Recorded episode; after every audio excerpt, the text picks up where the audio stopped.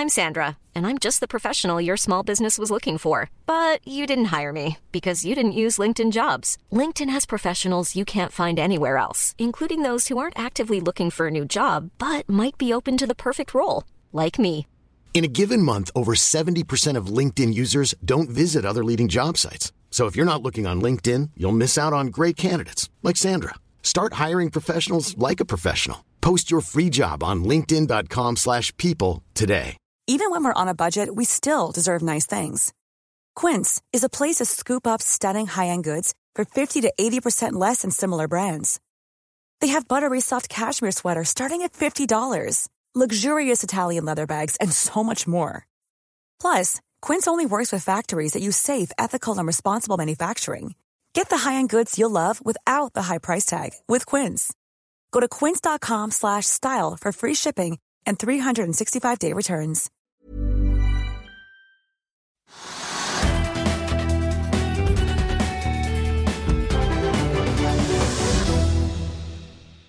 Velkommen til Økonominyhetene. Begynner her hjemme på Oslo Børs.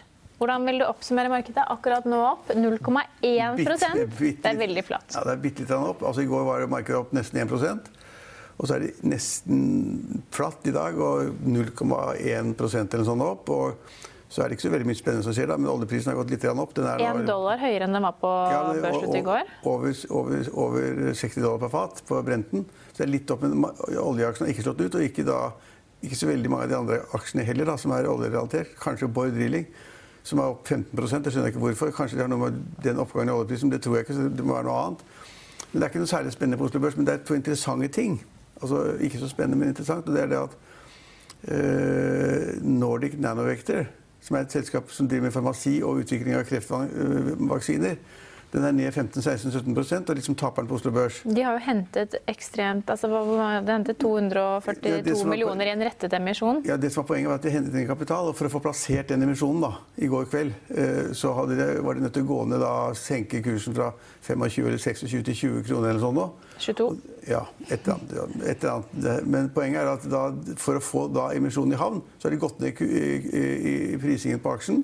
Og det er det samme differansen som egentlig er på Oslo Børs i dag. At det de måtte da gå ned for å få solgt aksjene Rabatten de måtte gi for å få plassert det er, det, emisjonen. Det er den kursen som er i dag. Så det er Ja. litt interessant, for da måtte de, for å få inn penger, de trengte penger, så har det slått ut i kursen, og at markedet måtte da justere til dagen til den emisjonskursen. En Så- annen nyhet vi må ta med Nå, nå tok jeg ordet fra deg, Trygve, men Nei, hva- Norwegian Nei, nei, nei, nei, vi er ikke ferdig. Du må ta det en ting av gangen her. Så det som var interessant, var at det var da en sånn ren matematikk. At måtte de gå så langt ned for å få plassert de, de aksjene, så ville da kursen i dag være omtrent det man da måtte selge til. Eller hentet penger til. ikke sant? Så det var ferdig. Så ved PGS, som også er en av taperne i dag, et seismikkselskap som da tjener litt penger, men tjente dårlige penger i fjor, og som har ligget litt dårlig an og, og, hatt en dårlig kursutvikling. Og det har vært masse rykter om at de må hente penger i markedet. eh, Selv om de tjente penger i tredje kvartal. Eh, Og mange hadde regnet med at de måtte da gå i markedet og hente ganske mye penger. Men så sier de til Finansavisen i dag at det blir ikke nødvendig, vi har kontroll og vi skal gjøre det bra. Og selv om de da, jeg tror de har ti De hadde en ordrebok på 336 millioner dollar, hvis ja, ikke jeg husker feil fra i går. De har 10-12 skip, jeg husker ikke eksakt. Av de 12 skipene så ligger tre-fire i opplag. Så det er liksom, de er litt stresset øh, og presset og trenger åpenbart penger. Men det sa de da at vi kommer ikke til å ha den emisjonen, vi klarer oss fint uten. Og det syns markedet var veldig fint, for de hadde regnet med at det ville komme en emisjon som ville presse kursen ned. Og dermed har kursen gått opp 10, eh, 10 i dag. Ja, De steg jo 12 i går også, så det er vel det er en. Det er eh, videre oppgang. Men, Tusen- men altså, jeg jeg ja, hadde men lyst til å snakke om Norwegian også. Nei, ja, vi kommer, vi kommer, kommer. Men lærdommen er at der, der hvor markedet er redd for at det kommer en emisjon som de kanskje ikke har penger til å være med på, og hvis de lar seg, eh, de kanskje lar seg vanne ut, ikke sant? så det presser ofte kursene. Og det, vi har sett i dag, at avhengig av henting av kapital og trusselen om en emisjon, det gir seg utslag i kursene. Ja, men i går, når de la frem tall og viste en eh, rekordsterk ordrebok, eller veldig sterk ordrebok, så steg jo aksjen 12 og i dag er de altså da opp akkurat nå nye 11 10-11%. Ja. Men det er interessant å se. Ja. Man, må følge med og være varsom. Hvis det går rykter om at selskapet skal ha en emisjon, så er det et dårlig tegn. Ja. Og så kommer vi da over til Norwegian, som jeg nå uansett kommer til å pushe gjennom, fordi de skal nå selge fem fly. De skal selge fem, fem, fem de har, har solgt dem. Til Aircraft Og da tjener de penger på det. Ikke så veldig mye, tror jeg, men så får de en ganske stor likviditetseffekt, så det er de fornøyd med. Ja, for det Provenyet skulle jo da brukes til nedbetaling av gjeld og øke eh, likviditeten. Og da, når de da har betalt med denne gjelden som er satt av til å betale med det de kjøper fly for, så sitter de igjen med 50 millioner dollar i økt likviditet. Ja, det er ikke så veldig mye, da. Når du er i flybransjen, så er det ikke så mye, men det hjelper. Men de er noen, stresset. noen mener at dette er med på å synliggjøre verdiene i selskapet. Er du enig i det? Nei, jeg altså de verdiene i flyene har vært kjent lenge, så endrer det ingenting. Og de verdiene på de flyene har man også hatt en viss formening om, så endrer ingenting. Og, men kursen har vært oppe et par prosent, heller ikke mer. 2,5% akkurat nå. Norske Skog gjør comeback på Oslo Børs i dag. Ja, jeg har ikke sett på hva som skjedde med prisingen, men de er jo De ligger omtrent på det de introduksjonskursen på 38,05 kroner eller noe sånt. Men poenget er at Norske Skog har vært i en, en kjempeprosess som vi ikke skal ta hele, men hvor de da liksom var forgjeldet og hadde 12-13-15 milliarder kroner i gjeld og var helt håpløse. Petter Stordalen og Øystein Stray Spetalen, superinvestorer, gikk inn i selskapet på et eller annet tidspunkt og skulle liksom raide selskapet med et lite beløp og tapte flere hundre millioner kroner hver, tror jeg. Så det har vært en lang reise, og masse folk har tatt penger, og de har hatt altfor mange fabrikker, altfor mye gjeld osv. Så, videre. så kom det nye eiere inn, en kineser. Eh, og så har de tatt bort masse av gjelden, solgt eh, selskaper, og nå har de visstnok bare 1 milliard i gjeld og en bra egenkapital. Ja. Og, men børs, altså de gikk vel på børs, eh, er vel omtrent omtrent på introduksjonskursen, hvis jeg ser det riktig her, og, og er dagens mest omsatte aksje. Ja, det kan jeg tenke meg. Det er jo også da ser Arne Fredli, som er en god analytiker og en tøff megler, og tøff investor, han har sagt at nå er dette noe for meg. Før, han sagt at før holdt han på å le selv hvis noen nevnte ordet Norske Skog. Som f.eks. da Stordalen og Spetalen gikk inn. eh, Så han har vært utenfor alt sammen og sagt at dette kommer de aldri ut av. Av at de vil ikke klare da, å kvitte seg med gjelden og konvertere gjeld til aksjer osv. Men nå ser han at nå! Norske Skog er noe for meg, sier han fra Monaco. Ja, vi, Får håpe at han har kjøpt aksjer, ikke bare sier det for å lure folk. ja, nå har vi snakket mye om Tomra de siste gangene vi har hatt sending sammen. Eh, De, selskapet legger frem tall for tredje kvartal på mandag, hvis jeg ikke husker feil. Og Handelsbanken har oppgradert aksjen fra hold til kjøp. Har aksjen kommet såpass langt ned nå, hvis man kan kalle det sånn, fra disse kunstig høye nivåene? Nei, det vet jeg ikke. Det er et veldig godt spørsmål. attraktiv igjen? Veldig godt spørsmål. Da må vi se på tallet hva det kommer til å tjene først. Og så må vi legge en multiple på det, på 10-15 ganger kanskje, som er veldig bra. Og alt over det er dyrt. Ja. Og da kommer du til å sette deg ned og gjøre det regnestykket på mandag, når de Ja. har sluppet tall for tredje kvartal. Ja.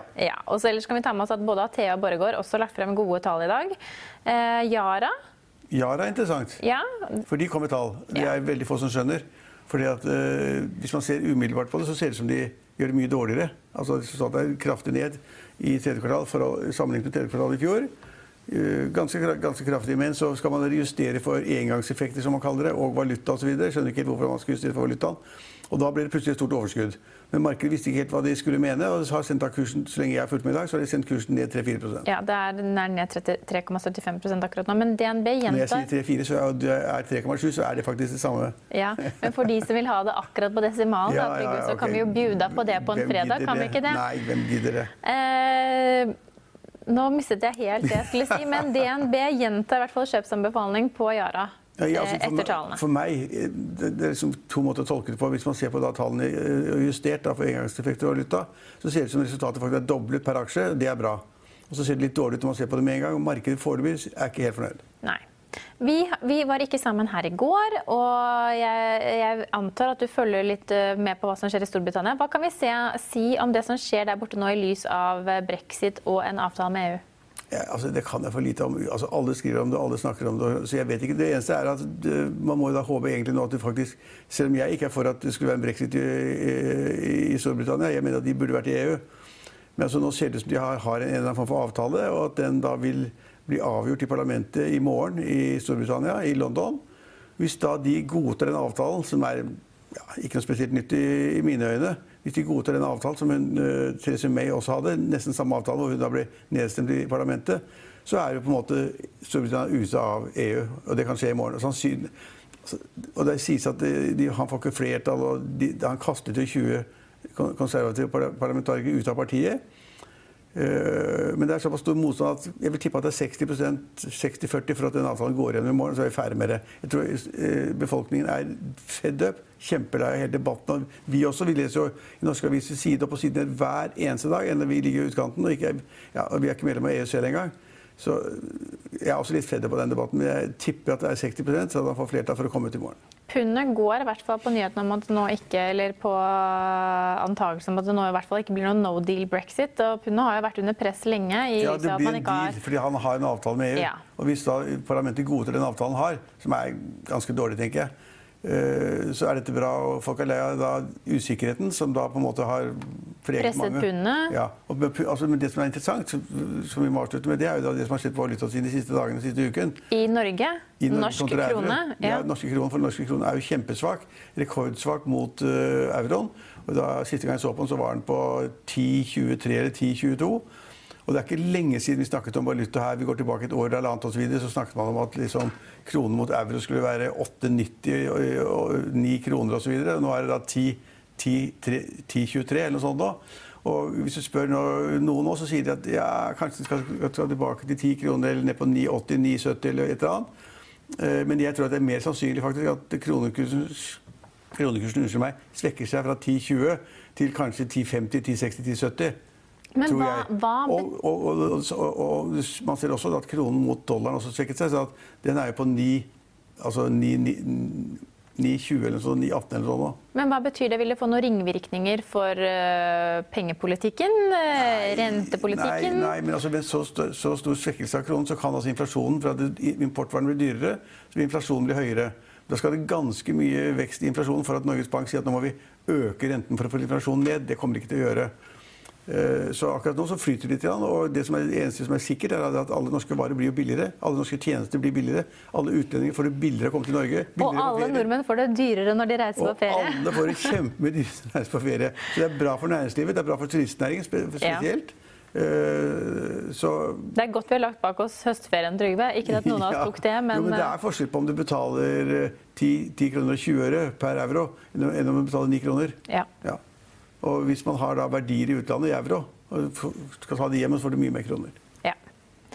Da blir det spennende å følge med på kvartalsesongen som ruller videre neste uke. Og, og, mest sannsynlig så kommer det sikkert noen nyheter fra Trump. Jeg vet ikke om handelskrigen av, blir altså, avklart med det første, men der er det jo nye utspill hver dag. Han sier, akkurat, han sier så mye dumt hver dag at det er nesten ikke til å tro. Han da har seriøse forhandlinger med lederne for, for, for demokratene osv. Og, de, og de kommer ut og sier at Trump er blitt gal og mistet forstanden og han liksom går under og sånn, og vi må be for han. Altså, Amerikansk politikk er jo helt sjuk nå. Det er ikke til å forstå.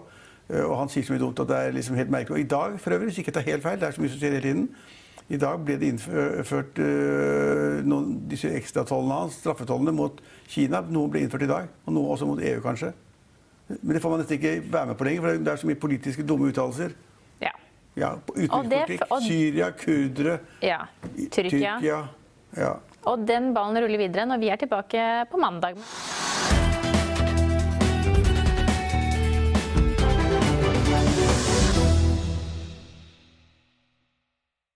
Økonominyhetene er en podkast fra Finansavisen. Programledere er Marius Lorentzen, Stein Ove Haugen og Benedikte Storm Bamvik. Produsenter er Lars Brenden Skram og Bashar Johar. Og ansvarlig redaktør er Trygve Hegnar.